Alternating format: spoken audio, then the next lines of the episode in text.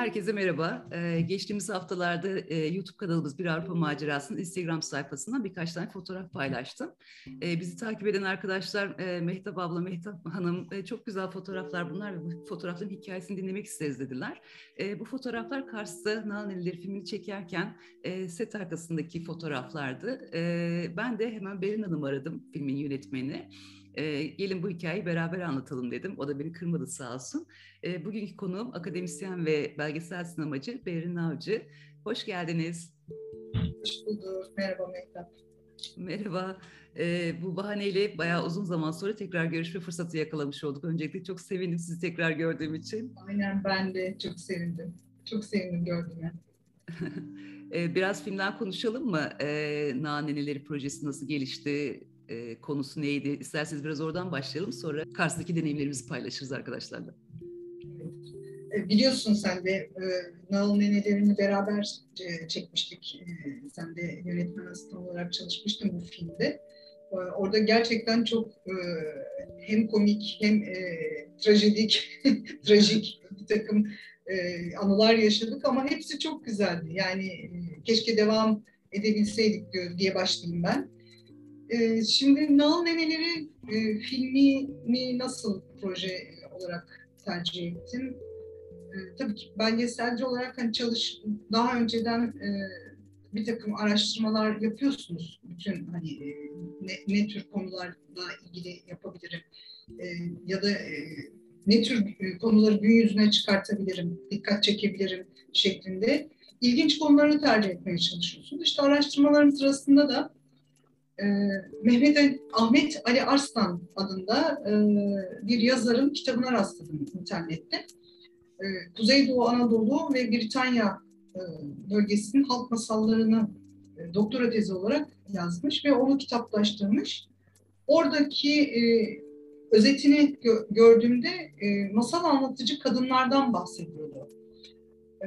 Masal anlatan kadınlar derken bunu meslek edinmiş e, bu çok ilginç gelmişti bana. Masal anlatıcılık nasıl meslek edinilir diye. Yani bu bizim çocukluğumuzda anne, e, babaannelerimiz, anne, anneannelerimiz, işte büyüklerimiz bize masal anlatırdı ama bunun parayla e, ilişkilendirilmesini veya bunun bir e, karşılığının bedelinin olmasını hakikaten çok merak ettim. Peşine düştüm tabii bu şeyin, yazının.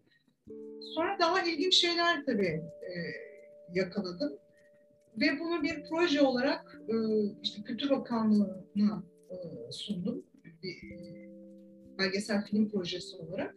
Ve işte bir, bir bekleme sürecinden sonra ama ben o arada araştırmalarıma devam ettim. Yani bir şekilde ben bu filmi çekmem gerektiğini karar verdim. Çok ilginçti. Hem kadını anlatan, kadınların eğitimde, kültür hayatında, çocuk yetiştirmede veya işte bir e, neslin üzerindeki etkisinin ne olduğuna ilişkin de çok e, ilginç şey, detaylar veriyordu bu proje, ya daha doğrusu bu konu. E, o yüzden de çekmeye karar verdim. İşte Kültür Bakanlığı projesiyle yapıldı bu film. Yani o, olmasaydı biraz zorlanabilirdim. Evet, çekmeye karar veriyorsunuz ama sonuçta tabii belgesel filmin bir de parasal yönü var. Bunu, yani bunu çekmek için belli bir maddi şeye de sahip olmanız gerekiyor. O nedenle de e, başladık yani çektik. Aslında belgesel alanında bütçe bulmak da çok büyük bir sıkıntı değil mi Türkiye'de? Evet, yani... evet. Maalesef. Şimdi daha da zor. Şimdi daha da zor. Yani bizim dönemimizde ben bu filmi 2007-2008 döneminde 2008 e, yıllarında e, tasarlamıştım. Yani daha doğrusu işte araştırmalara başlamıştım. Çekim çekimi de 2008-2009 sen de hatırlarsın o dönemde e, yaptık. 2008'de gitmiştik Kars'a. Bir yaz dönemi gittik. Sonra bir kış dönemi Kars'ı e, ziyaret ettik. Aslında belgeselin kurmacadan e, farklı bir tarafı var. Biraz da belgesel e, çekimlerinde hikaye yolda da diziliyor. Yani biz gittiğimizde de orada mesela e, başka kadınlara eriştik, başka hikayeler bulduk ya da işte bulduğumuz kadınlar mesela hafızasını yitirmişti, beklediğimiz hikayeyi alamadık falan. E, haliyle aslında e, Kars'a gittiğimizde bir de e, kışın gitmemiz gerektiğini de fark etmiştik oraya gittiğimizde. Hatta Kars'ın en soğuk olduğu dönemde e, oraya gitmemiz gerektiğini fark etmiştik. İki ayrı dönemde biz Kars'ta çekim yaptık. E, isterseniz siz ondan biraz bahsedin. Naneleri daha çok kış aylarında evlerde, e, meclislerde e, insanları toplayıp onlara hikayeler anlatırlarmış. Biraz ondan bahsedelim mi? Kars bölgesi e, Anadolu'nun geçiş kapısı. Yani e, o bölgeden birçok kültür kaynakları, birçok insanlar geçmiş ve şeylerini bırakmış. Kültürel e, öğelerini bırakmışlar, hikayeleri bırakmışlar, türkülerini bırakmışlar, gelip oraya yerleşmişler, o var olan kültürle yeni bir sentez oluşturmuşlar. İlginç bir yapısı var Kars bölgesinin. Dolayısıyla da hani e, kışın e, çok Kars çok soğuk bir e, şehir, kent olduğu için kışın gidip e, bunun araştırmasını yapmanın zor olduğunu düşünerek yazın gidip e, o bölgeleri e, gezi, gezdikten sonra e, nerelerde çekeceğimizi ya da kimleri bulup e, kimlerle çekeceğimizi tespit etmek üzere yazın gittik. E, kış kışında e, daha çok e, bu masal anlatma tekniği eksi 35 eksi 40'lara kadar ulaşan soğuklarda e, işte e, yaşlı kadın masal anlatıcılarının evlerde e, masal anlattığını e, te, tespit ettik ve dolayısıyla da kışın bunu belgelemeyi düşündük. Bu çok daha doğru bir yöntem çünkü işte iletişim kaynakları çok fazla yok. Bilgisayar yok, internet yok. Çok fazla bilgiye ulaşmak için kaynak olmadığı için, yani teknoloji daha doğrusu olmadığı için evlerde işte nüktedan e, çok nasıl diyeyim lafı geçer, lafı e, sayılır, e, sevilen, sayılan ve hatta ben bu e, izle, yani çekimi yaptığımız zaman e, bunların aynen bir kadın meddah gibi e, olduğunu hep e, düşündüm. Çünkü e, bizim bulduğumuz e, şey e, Nağıl Nenesi ya da Masal Nenesi Leyla Yalgar tıpkı bir e, tiyatro oyuncusu gibi bize e, şey, masalı anlattı. Gerçekten de o eski geleneksel masal anlatma tekniğini en iyi e, örnekleyen Leyla Yalgar'dı. Tabii biz birçok Kars'ın birçok bölgesinde hani merkez veya merkeze yakın birçok köyde araştırdık. Ama en tipik e, bu e, eski geleneksel masal anlatma tekniğini hala günümüze taşıyan kişinin Leyla Yalgar olduğunu gördük. İşte kışın gittiğimizde de hepsini tek tek o soğukta e, çekmeye çalıştık ama tabii o soğuğun soğuğa alışık olmadığımız için ekip olarak da çok ciddi sağlık sorunları yaşadık. Önce otelden başlayan bir sıkıntı oldu. O gittiğimiz dönemde e, onu yazın yaşadık zannedersem Mehtap yanlış hatırlamıyorsam. Yazın, yazın evet. Yazın o çok fazla turistik bir bölge biliyorsunuz. Anne harabeleri de var Kars bölgesinde.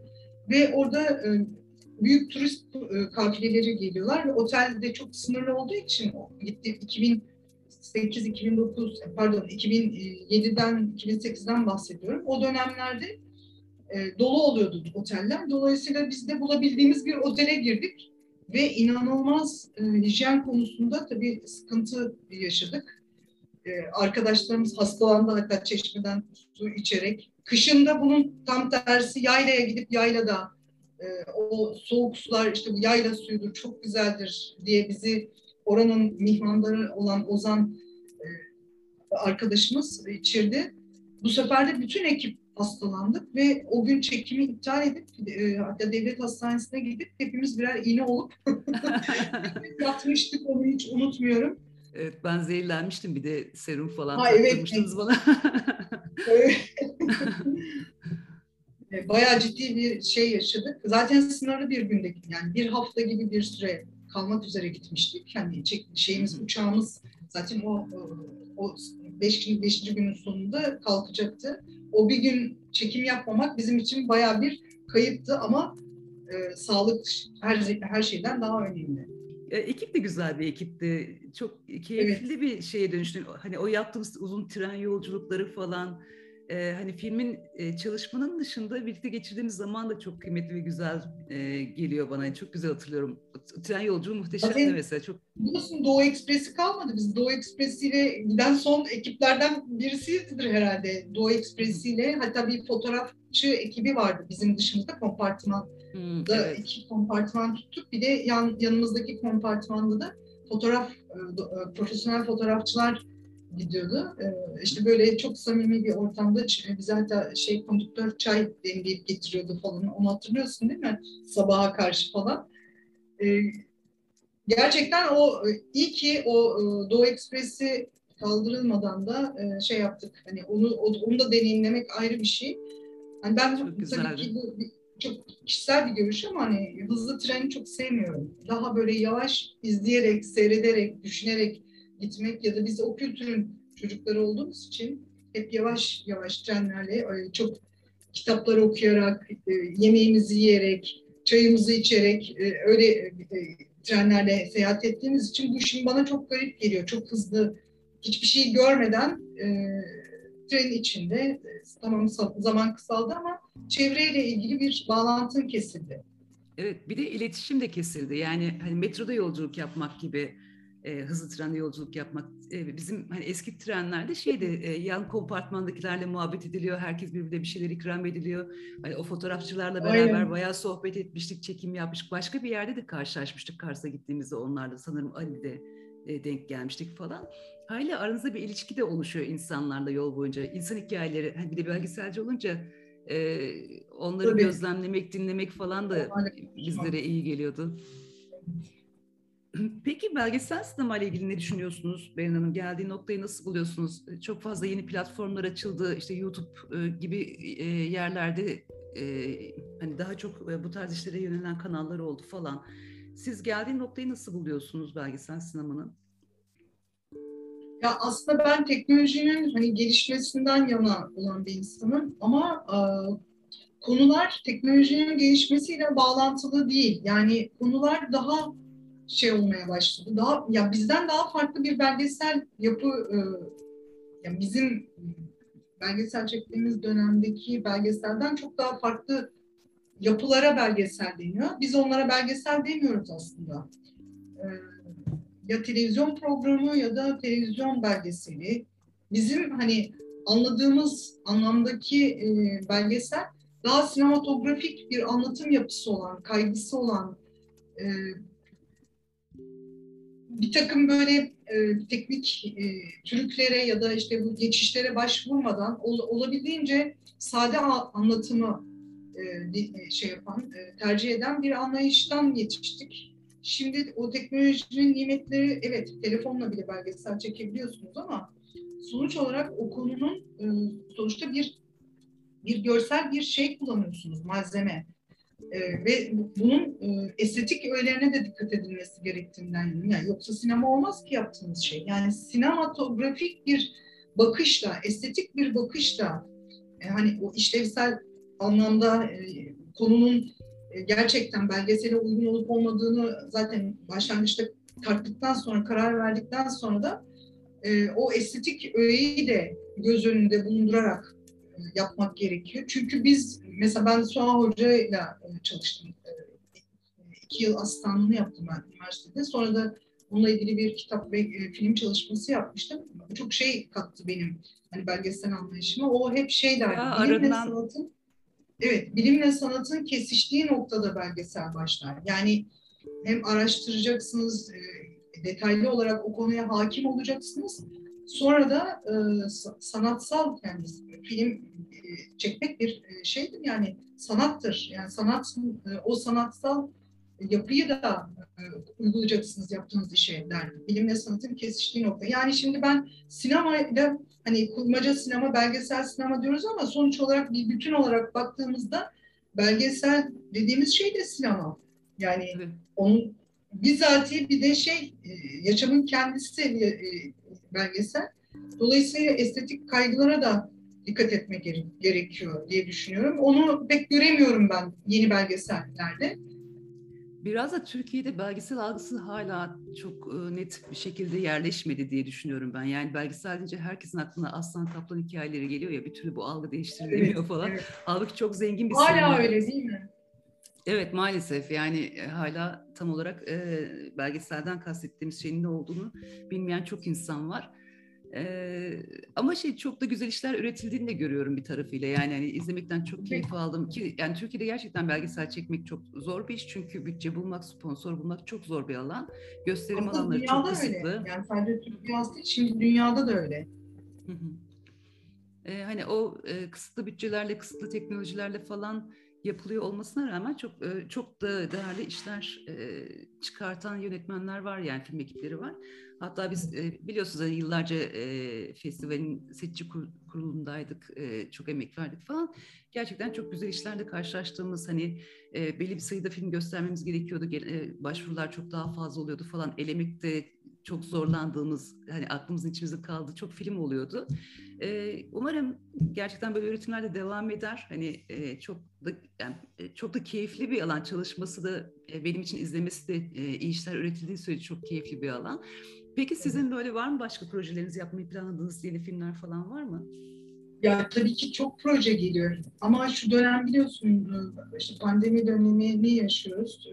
Yani burnumuzu dışarı çıkartmaya korktuğumuz dönemlerden geçiyoruz ama e, sonuç olarak ya, yani yaşamımızı sürdürmek zorundayız ve dışarı çıkıyoruz. E, ben tabii şu anda bir kitap çalışması yapıyorum. E, ona, yani görselden ziyade yazılı bir e, anlatım tekniği yani yine gerçekçi bir hikaye, biyografik bir çalışma üzerine üzerinde çalışıyorum.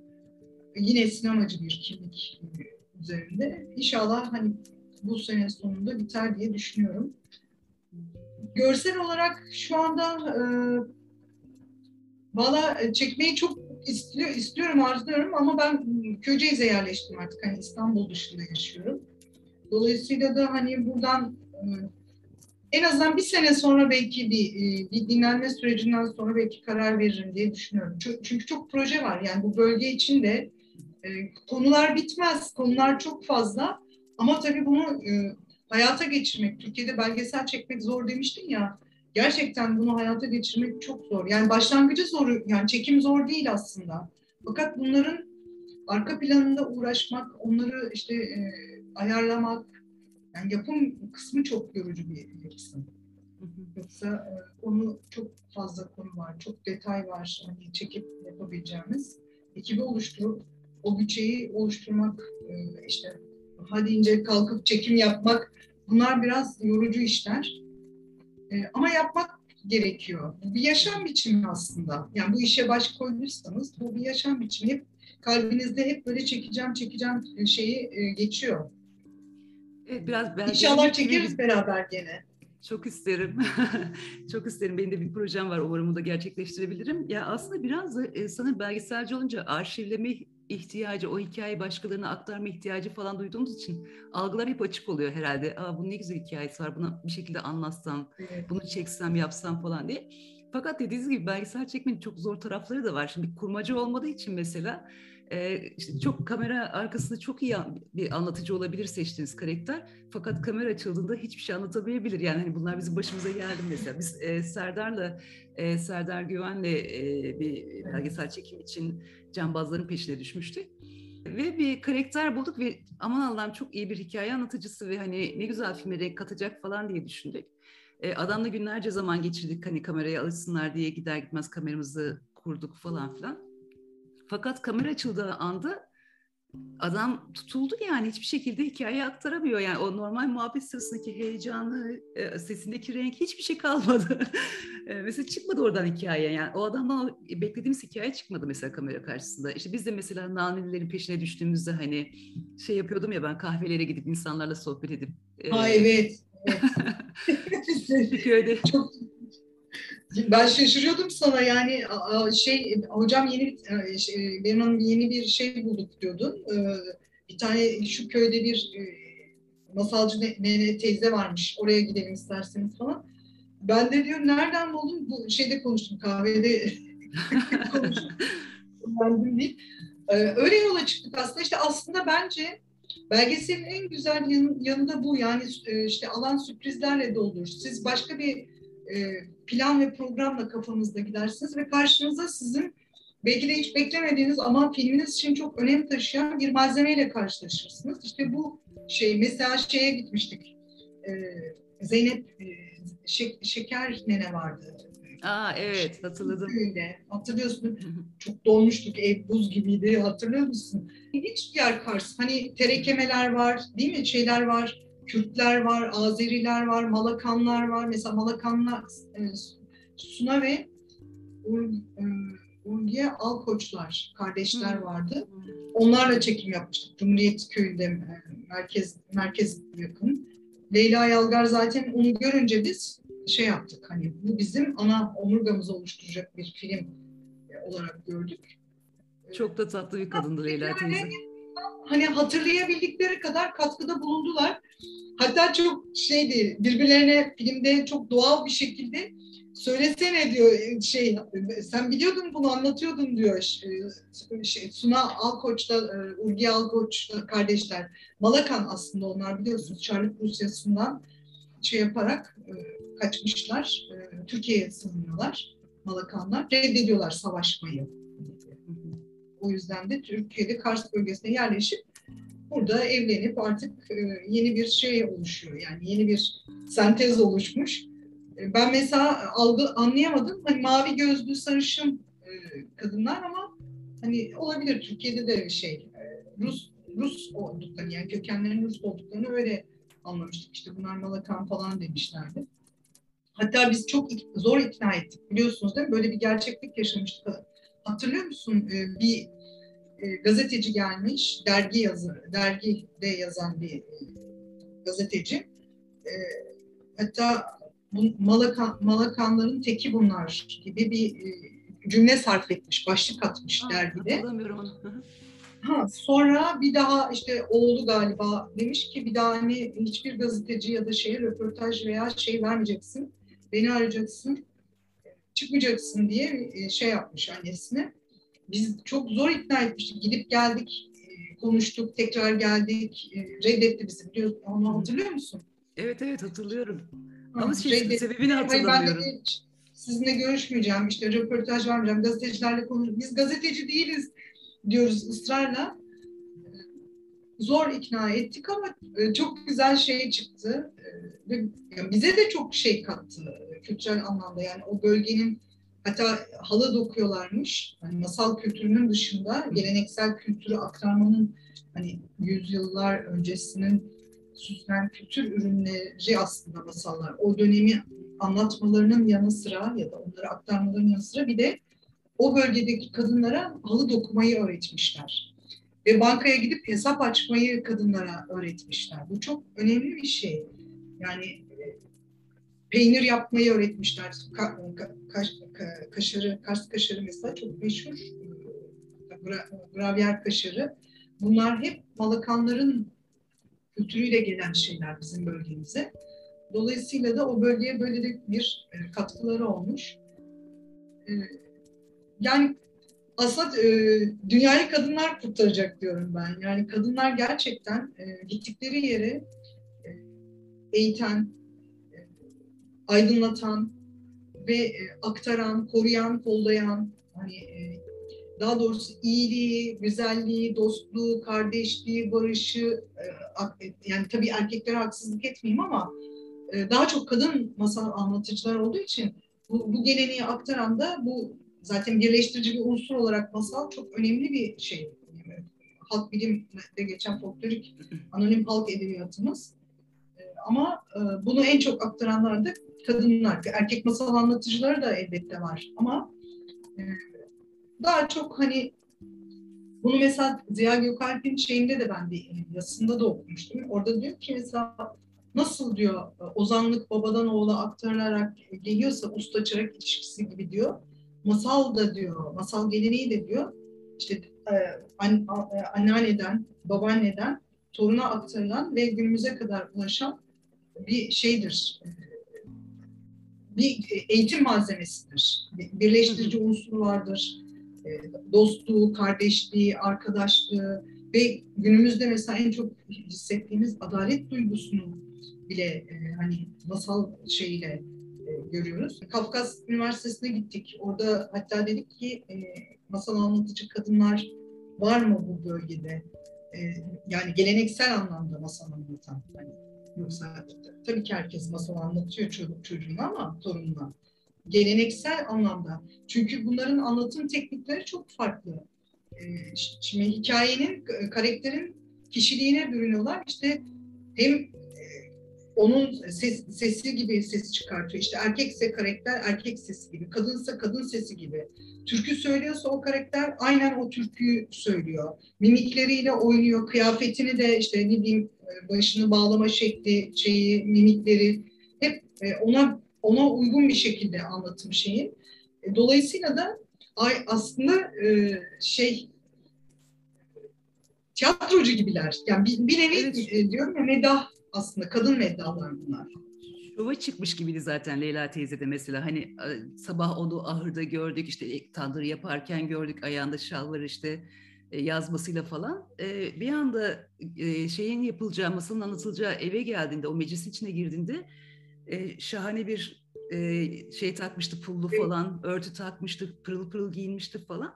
Bayağı sahneye çıkar gibi hazırlanmıştı. Ve o kadının içinden bambaşka bir kadın çıktığını gördük mesela anlatırken. hani hareketleri, jestleri, mimikleri, evet. o ortamı dolduruşu bir başına falan çok hayranlık uyandırıcıydı bence. Yani hani evet. bambaşka, işte bütün gün evet. birlikte geçirdiğimiz halde bambaşka bir şey kadınla gibi, karşılaştık. E, transa geçmiş gibiydi değil mi? Anlatırken resmen bir e, trans hali yaşıyordu. E, Mehmet Ali, Ahmet Ali Arslan'ın e, anlatımı da vardır o filmde mi? Ee, Mehmet Ali Arslan tabii daha bilimsel bakış açısıyla anlatıyor. O şey demişti, işte 4 saat, 5 saat masal anlatırlar ve adeta transa geçmiş gibi anlatırlardı. Diyor ben işte kasette kayda girdiğimde e, bitti derdim diyor. Ne bitti derdi diyor. İşte kasetim bitti derdi diyor. Süresi bitti derdi. Ama benim masalım bitmedi ki dermiş kadın mesela. O dönemdeki o, biliyorsunuz işte, Ahmet El Arslan 70 70 70'te başlamış galiba. 72'de başlamış e, masal toplama tekniği şeyini. Çünkü doktora şey olarak yapmış bu çalışmasını. E, o anlatıyordu. Hakikaten e, Leyla Yalgar'da da bir anlattığı masal bir buçuk saat sürmüştü çekim sırasında. Yanlış hatırlamıyorsam bir buçuk saat sürmüştü. Parça parça hatta biz dinlenerek çektik, kesmemeye çalıştık ama parça parça yaptık. Yani çekim tekniği olarak öyle yapmak zorundaydık. Yani çok güzel bir çalışma olduğuna inanıyorum ben onun.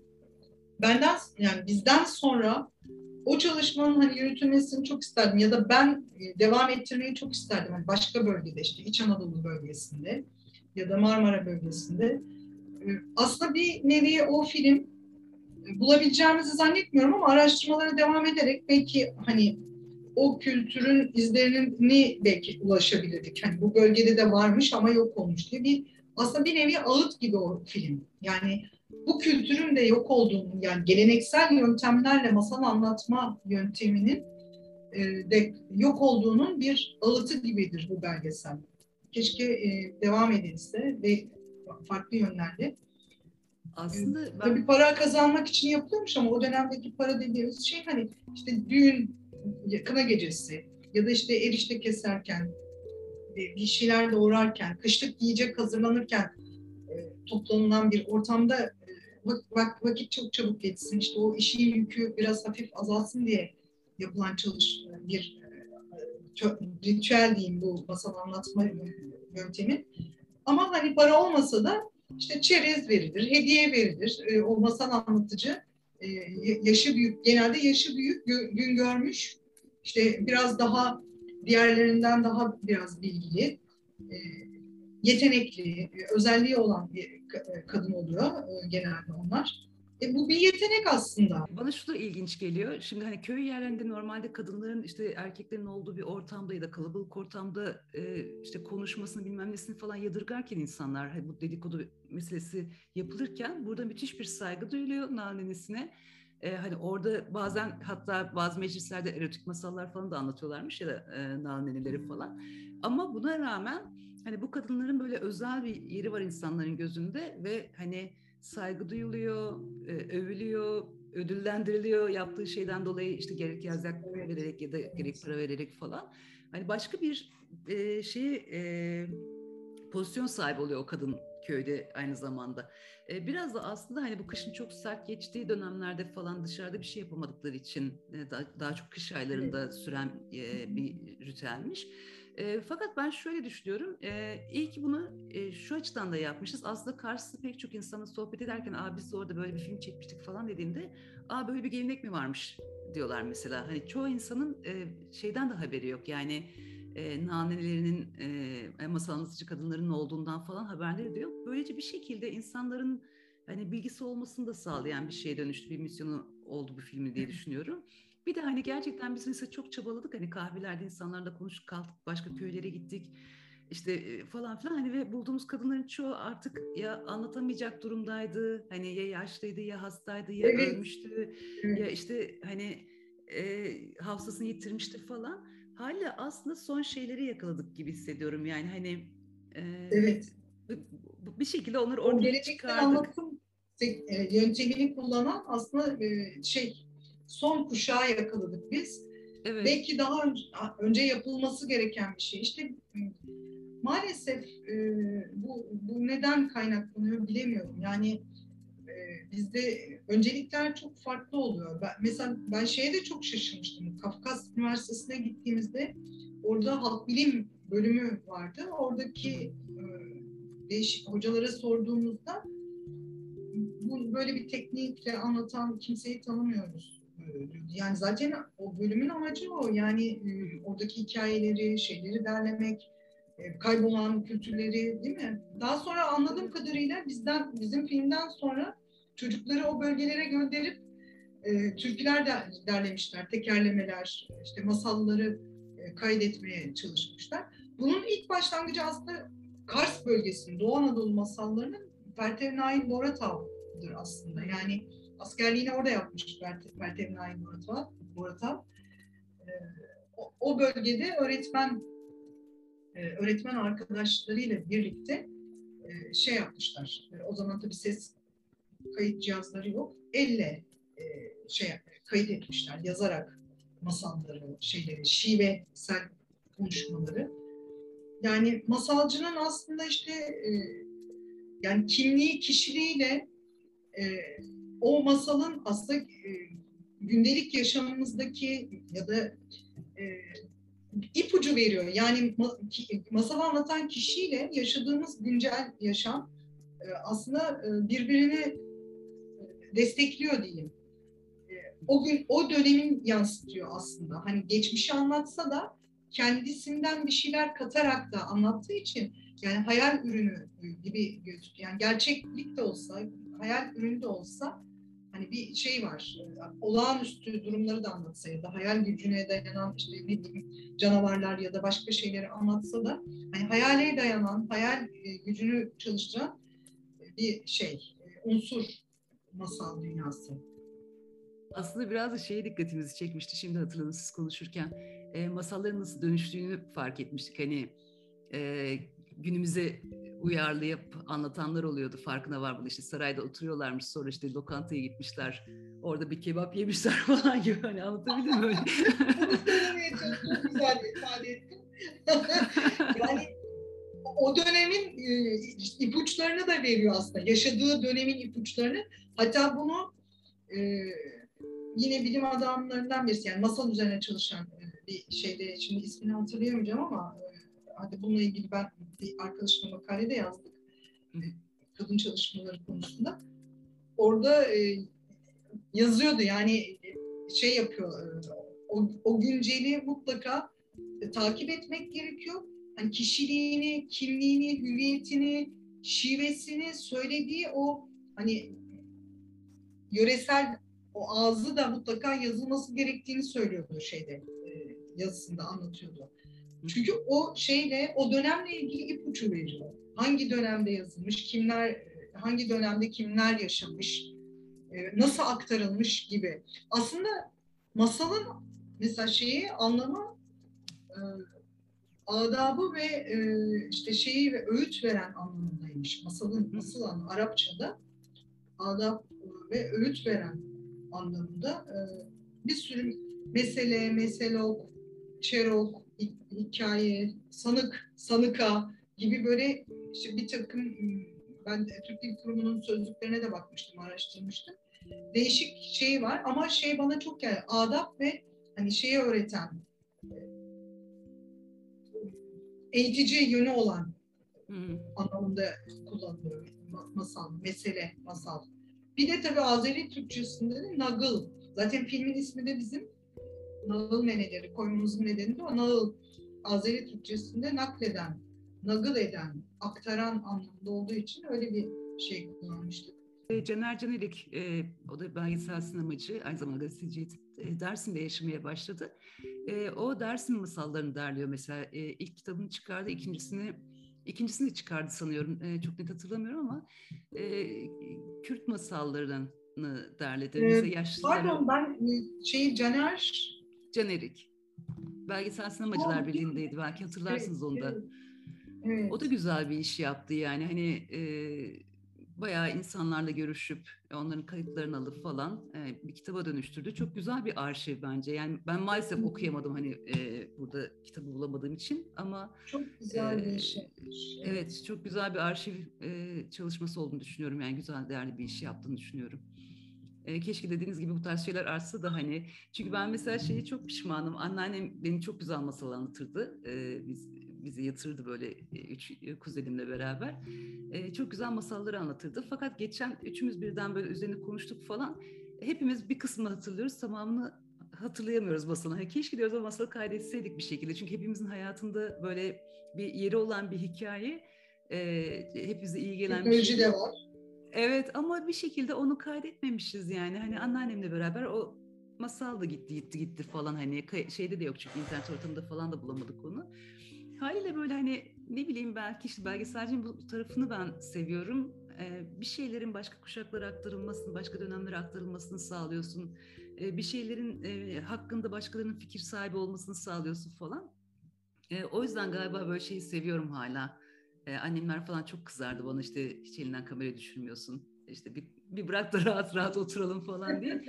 Fakat bazı şeyde şey de belki de kaydetmişim yani. Hani Ama yaşam biçimi bu işte. Evet. O yani zorla yapılan bir şey değil o içinizden geliyor zaten. İçiniz, evet. Yani. Evet aynen öyle. Ee, peki Berin Hanım mu- muhtemelen e, yayını dinleyen arkadaşlar soracaktır biz bu filmi nereden izleyeceğiz diye. E, n- ne diyelim onlara? evet. Ya ben filmin tabii ki şey e, izlenmesini çok isterim. Filmler izlenmek için yapılıyor zaten. Ama hani e, şey e, şimdi biz belgeselin yapılmasının zorluğunun dışında bir de yayınlanma mecralarının zorluğu var. Yani ben bu filmi e, hani kapalı film göz, yani kapalı devre gösterimlerde hani üniversitede işte panellerde davet ettiklerinde gösterebiliyorum ama bunu bir şey gibi gösteremiyorsunuz. Hani sinema filmi gibi gişe, gişeli e, şeye sokamıyorsunuz. Çok ilginç bir durum aslında.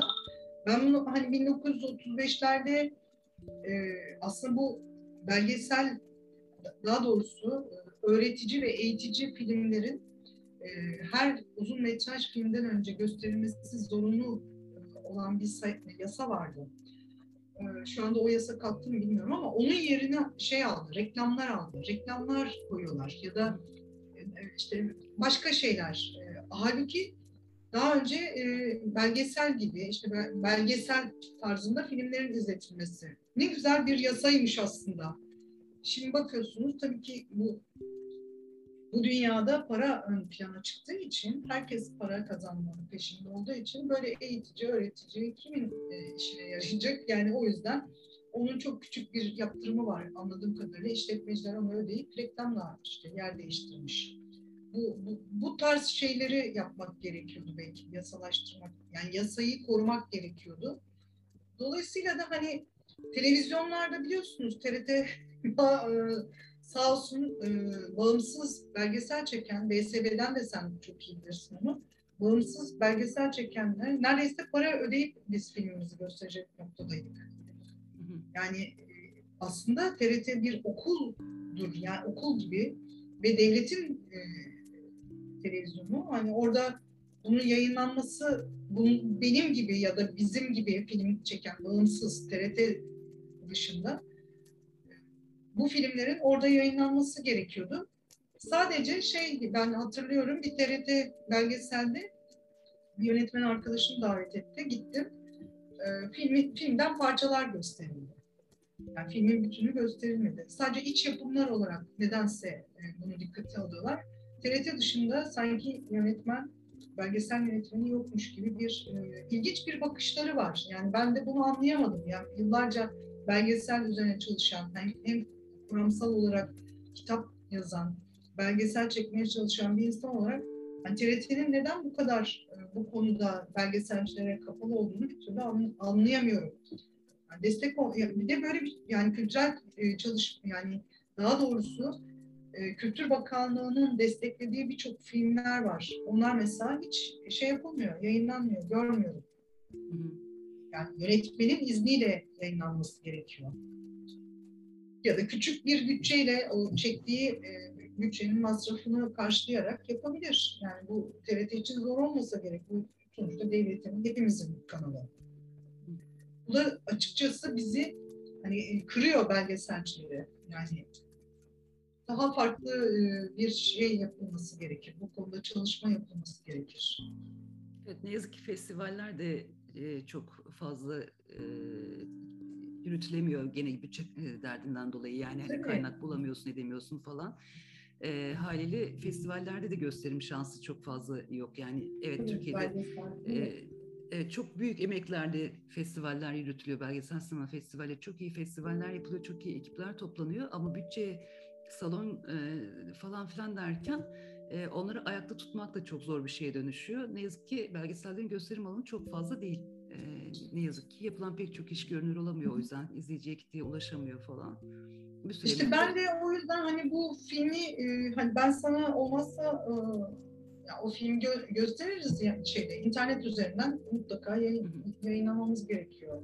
O filmler. Çünkü ya önemli filmler bir dönemi anlatan, bir dönemde e, gerçeklik yani sonuçta böyle bir bu, bu ülkede, bu topraklarda, bu kültürde bu tarz insanlar yaşamış, kültürleri aktarmışlar. Bizlerde teknoloji e, aslında daha önce çekilebilecekken, kaydedilebilecekken işte e, bizim gibi birileri çıkıyor. yani son anda yetiştik. Biz de geç kaldık aslında. Yani son anda yetiştik ama iyi ki de çekebildik. Ben o konuda benim yani müsterihim içimde hani bir şey var. Keşke daha önce başlasaydım dediğim çok oldu o şey için. Masal menelerine yetişebileceğimiz. Ama şimdi hele hiç yok artık yani. O kuşak gitti yani. Evet, e, iyi ki dedirten bir tarafı var filmin. Peki Beren Hanım, benim soracaklarım size bu kadar. Sizin var mı başka eklemek istediğiniz? Şimdi şey, e, yani bu film aslında bir şey, e, başlangıç noktası diyeyim. Yani başka çalışmalara, başka araştırmalara kaynaklık etmesi gereken bir film. İnşallah yeni nesil, yani bundan sonraki arkadaşlar, belgeselle uğraşacak arkadaşlarım da bu filmi bir kaynaklık etmesini arzu ederim. Ve bundan sonra bunun üzerine katarak yeni bölgelerde e, masal anlatıcı kadınları bulmalarını e, aslında öneririm. Bu bizim bir şeyimiz e, yani Anadolu kültürümüzün bir yansıması ve kadınların olması benim e, özellikle ilgimi çekiyor. Yani o şimdi bak kadınların geldiği noktaya baktığımızda aslında Anadolu kültüründe kadına ne kadar değer verildiğini, ne kadar önemli olduğunu, biraz önce senin söylediğin gibi saygın kişilikler, işte sözü geçen, sözü dinlenen ama bunu böyle işte, dikte eder gibi değil, e, tatlı dille, nükteden bir dille, e, o yani o doğal haliyle, doğal yollarla zaten sevilen, sayılan bir insan olduğunu gösteriyor. Şu andaki kadına bakışla o dönemdeki bakışa baktığımız zaman e, aslında bir geriye gidiş olduğunu da görüyoruz. Bu beni üzüyor yani aslında. İşte bu filmler belki bu, bunu belki gösterecek. Biraz daha daha fazla yapılması, yapılmasının ötesinde bir de daha fazla gösterilmesi. Yani kadının e, hem ülkemizde hem dünyadaki yerini göstermesi açısından. Kadın bir eğitmen yani eğitici. Onu demek istiyorum. Ama aslında siz de bir kadın yönetmen olarak mesela Kars'a gittiğimizde bir takım sıkıntılar yaşadınız öyle değil mi? Aa evet. Biz ondan da bahsedelim mi? o geldi aklıma değil mi? Belki evet. aslında sahada bir kadının olması, işte e, insanların bunu görmesi falan da ezber bozan bir yanı da var yani ama hani sonuçta böyle bir pratikte yaşadınız. Biraz isterseniz ondan da bahsedelim.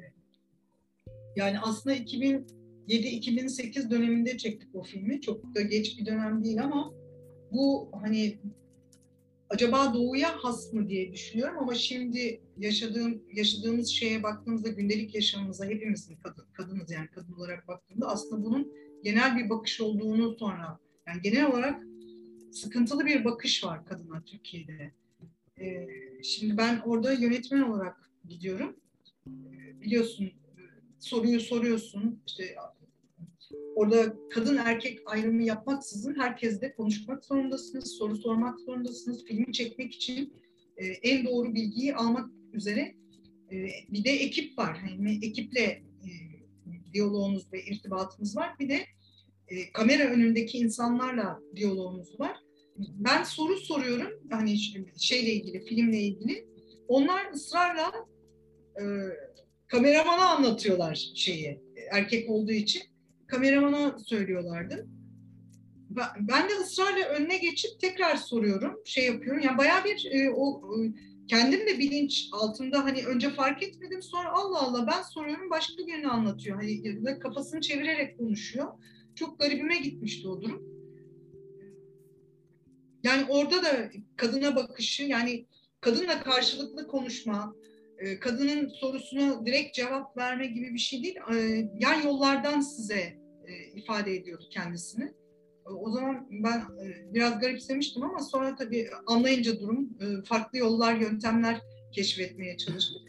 Hani bu filmin yönetmeni benim hani ben soruyorum bana cevap verin şeklinde daha hani şeyle yumuşak tarzda onu alıştırdık. En sonunda filmin sonuna doğru artık benle konuşmaya başlamışlardı.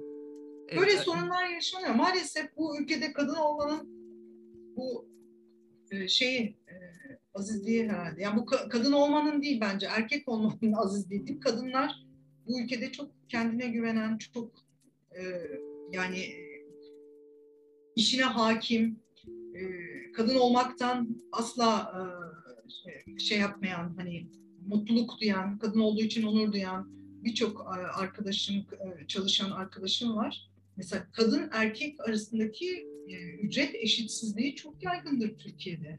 Tabii. Yani aynı işi yaptığınız arkadaşınız da siz daha düşük alabilirsiniz ya da erkek olduğu için, sırf erkek olduğu için yüksek alır. Yani aynı işi yaparsınız. Bu bunun mesela bu birçok sektörde var. Sadece şeyde değil mi? Yani sinema sektöründe değil, birçok sektörde var bu. Maalesef bu yıkılamadı. Yani adalet duygusu yerleşmediği sürece hani çünkü yani evliliklerde de mesela kadın erkek kadın çalışmıyor olabilir. Hani çocuğu olur, evine bakabilir. Ama yani ben çalışıyorum, o benim ütümü yapmak zorunda, işte yemeğimi pişirmek zorunda, çamaşırımı yıkamak zorunda diye bakarsan o evlilik başka bir şeye dönüşür zaten. Yani e, eşit koşullarda her işi e, zaman zaman birisi hastalanabilir, öteki e, çalışmak zorunda kalabilir. Yani hayatın ne getireceği hiç belli değil ki. O yüzden hani herkes kendisine düşen bir şeyi, görevi yerine getirmesi. İnsan olarak kadın veya erkek diye değil. Yani bir erkek çocuğa da bakabilir, altını değiştirebilir, mamasını verebilir. Değil mi? Kadın gibi bakamaz denilen bir laf var. Ne, ne demek kadın gibi bakamaz? Yani erkek onun çocuğu değil mi? O da bakabilir. Fakat gidişat e, iyiye gideceğine günümüzde çok kötüye gittiği için aslında bu konuyu birazcık hani konuştuk. Evet, Daha iyi olması gerekirken hani kadınların da eskiye göre çok güçlendiklerini e, görüyorum. Yani hani eskiden en basit hani tacize uğrayan kadınlar susmak zorunda hissederken kendini şimdi sosyal medyalardan şuradan buradan falan e, hani ifşa etmeler başladı mesela. Hani evet. e, ve kadınlar birbirlerine sahip çıkmaya başladılar. Bu çok önemli bence. E, önceden mesela işte bir ifşa e, ya e, ifşada bulunduğunda kadın diyeyim taciz tecavüzle ilgili ki bunlar ispatlaması çok zor e, şeyler suçlar e, kadın yalnızlaştırılıyordu e, adam güçlendiriliyordu E, ve e, işte kadın hep suçlanıp yargılanıyor. İşte onu yapmasaydın, gitmeseydin, e, onu giymeseydin, alkol almasaydın, gülmeseydin bir şey diye ve kadın yalnızlaştırılıyor. Halbuki aslında ifşa çok zor bir şeydir. Yani bir kadının ifşada bulması çok zor bir şeydir. Şimdi mesela e, hiç tanımadığı kadınlar bile ona destek verebiliyor. Haliyle e, yani kadınların e, ya da işte basının dilleri gene feminist mücadelenin kazanımlarından bir tanesi basın dil değişmeye başladı. Eskiden kadın cinayetleri çok korkunç verilirdi. Yani işte e, üçüncü sayfa magazinel bir haber gibi verilirdi falan.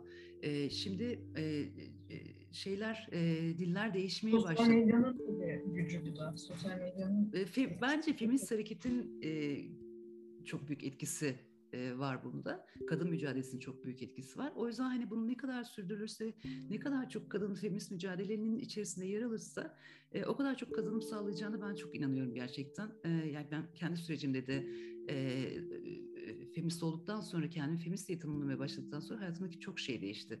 Yani kendime inancım, bir şeyleri ifade ediş biçimim, bir şeylerin peşinde koşturmam, hak arayışım falan filan bir sürü şeyde çok ciddi kazanım sağladı bana yani. Ya temel şey aslında insan olmak. Yani insanlığını unutmadan dediğim gibi empati kurmak hı hı. ve sevgiyle yaklaşmak, anlayışla yaklaşmak, hoşgörü yani bu işte masal bol bol masal dinlesin yeni nesil bence. Bu geçmişteki anlatılanlar, geleneksel masal anlatıcılarının kayıt edilmiş masallar var mesela. Bunları keşke seslendirip anlatılsa o eski masallar. Ya, ileride inşallah yapılacaktır bunlar.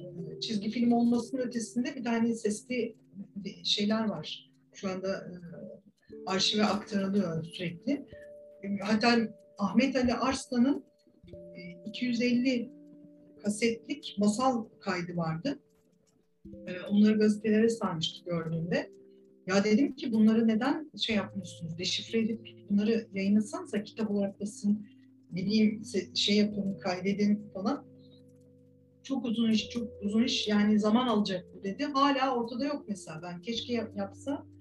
Evet. Bir de hani... biz de o dönemin şeylerini dinlesek. Hem koşullarını, o dönemdeki ağız, yaşayış, o senin dediğin gibi kebap yemiştik, balkona çıkmıştık falan. Sarayın balkonunda. o dönemin koşulları nasılmış onu öğreniriz.